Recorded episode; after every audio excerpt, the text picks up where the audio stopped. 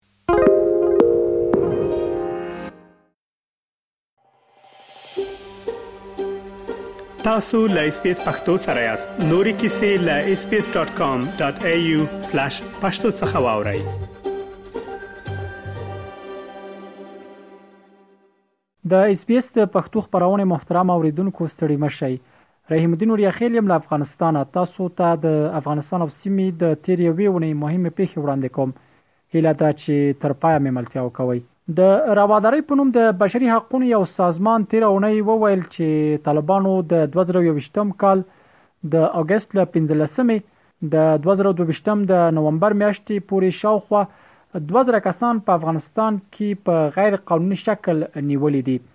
دغه سازمان چې په افغانستان کې د طالبانو د بیا ځلې حاکمیت وروسته له دغه هیواده بهر رامنځته شوی، د تیر اونۍ د دوشنبې په ورځ وویل چې په نیول شویو کسانو کې د تیر حکومت کارکوونکي، ښځې، د بشري حقونو مدافعین، خبریالان او نور کسان چې د طالبانو پر وړاندې په مقاومت تورن دي، شامل دي.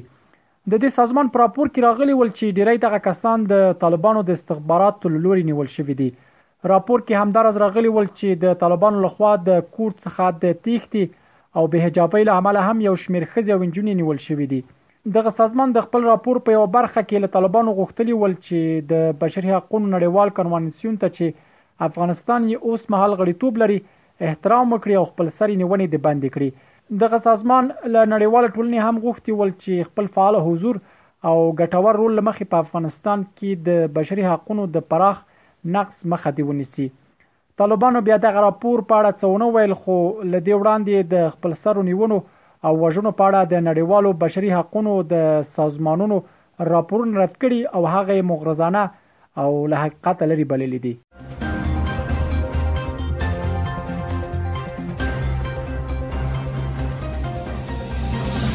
د امریکا د بهرنیو چارو پخوانی وزیر مایک پامپیو تازه چاپ شوی کتاب ناندرې راپارولي دي. د مایک پامپیو دغه نوی کتاب چې نوم یې هیڅ وخت مه تسلیمیږه د هغه امریکا لپاره چې زه پرې میان یم د تیر اونۍ د سه شنبې په ورځ بازار ته راووت. مایک پامپیو په خپل دې کتاب کې د افغانستان په مسایلو په تیره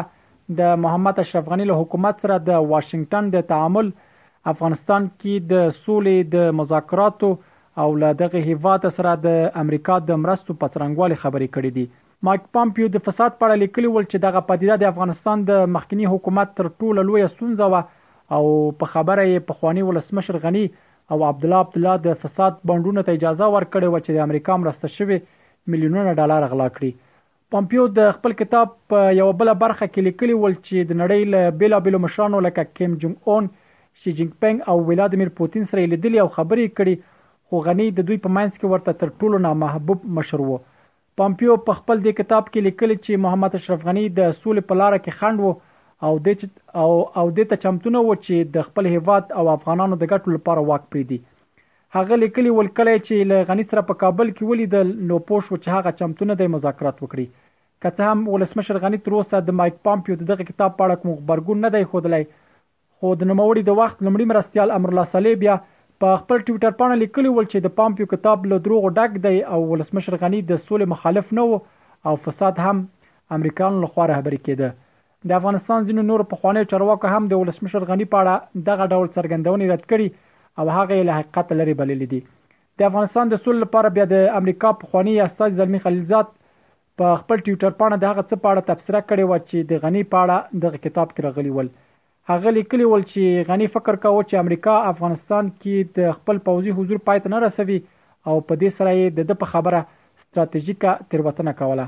د یادونې ده چې مایک پامپیو د امریکا د پخواني ولسمشر ډونالډ ټرامپ د واکمنۍ پر مهال له دوه زره او اتلس تر دوه زره او یوویشت کال پورې د بهرنیو چارو وزیر و، نوموړی د امریکا د بهرنیو چارو وزیر په توګه د ده د دندې پر مهال له طالبانو سره د سولې هوکړه لاسلیک شوه او ده دوحه کې د امریکا په استازولۍ د تړون لاسلیک مراسمو کې ګډون کړی وو.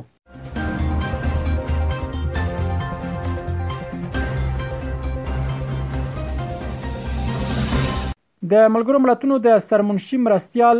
مارټین ګریفټس تېره اونۍ وویل چې طالبان د ښځینه کارکوونکو د کار په اړه پر یوې نوې تګلارې کار کوي. مارټین ګریفټس چې تېره اونۍ کابل ته راغلی و، له طالب چارواکو سره لیده کاته وکړل او له طالبانو یې وغوښتل چې مرستندویو سازمانونو کې ښځو ته د کار اجازه ورکول ډیره مهمه ده نوموړي له سین ان ټلویزیون سره په مرکه کې بیا وویل که څه هم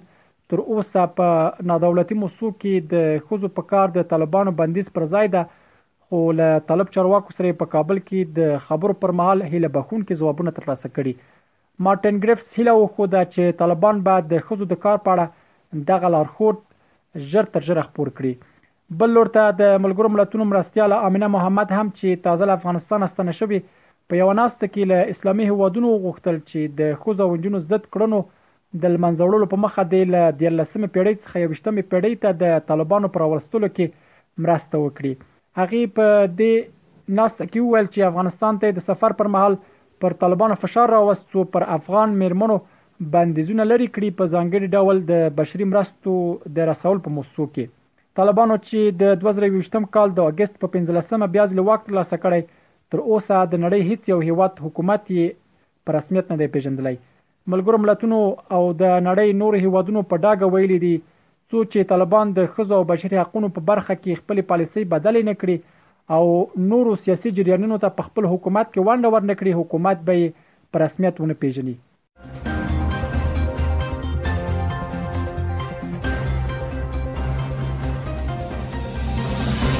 د دې اونۍ د پای موضوع هم دا چې نړیوال بانک په خپل یو نوي راپور کې دوه زره او دوه ویشت کال د افغانستان لپاره له مالي او اقتصادي اړخه نسبي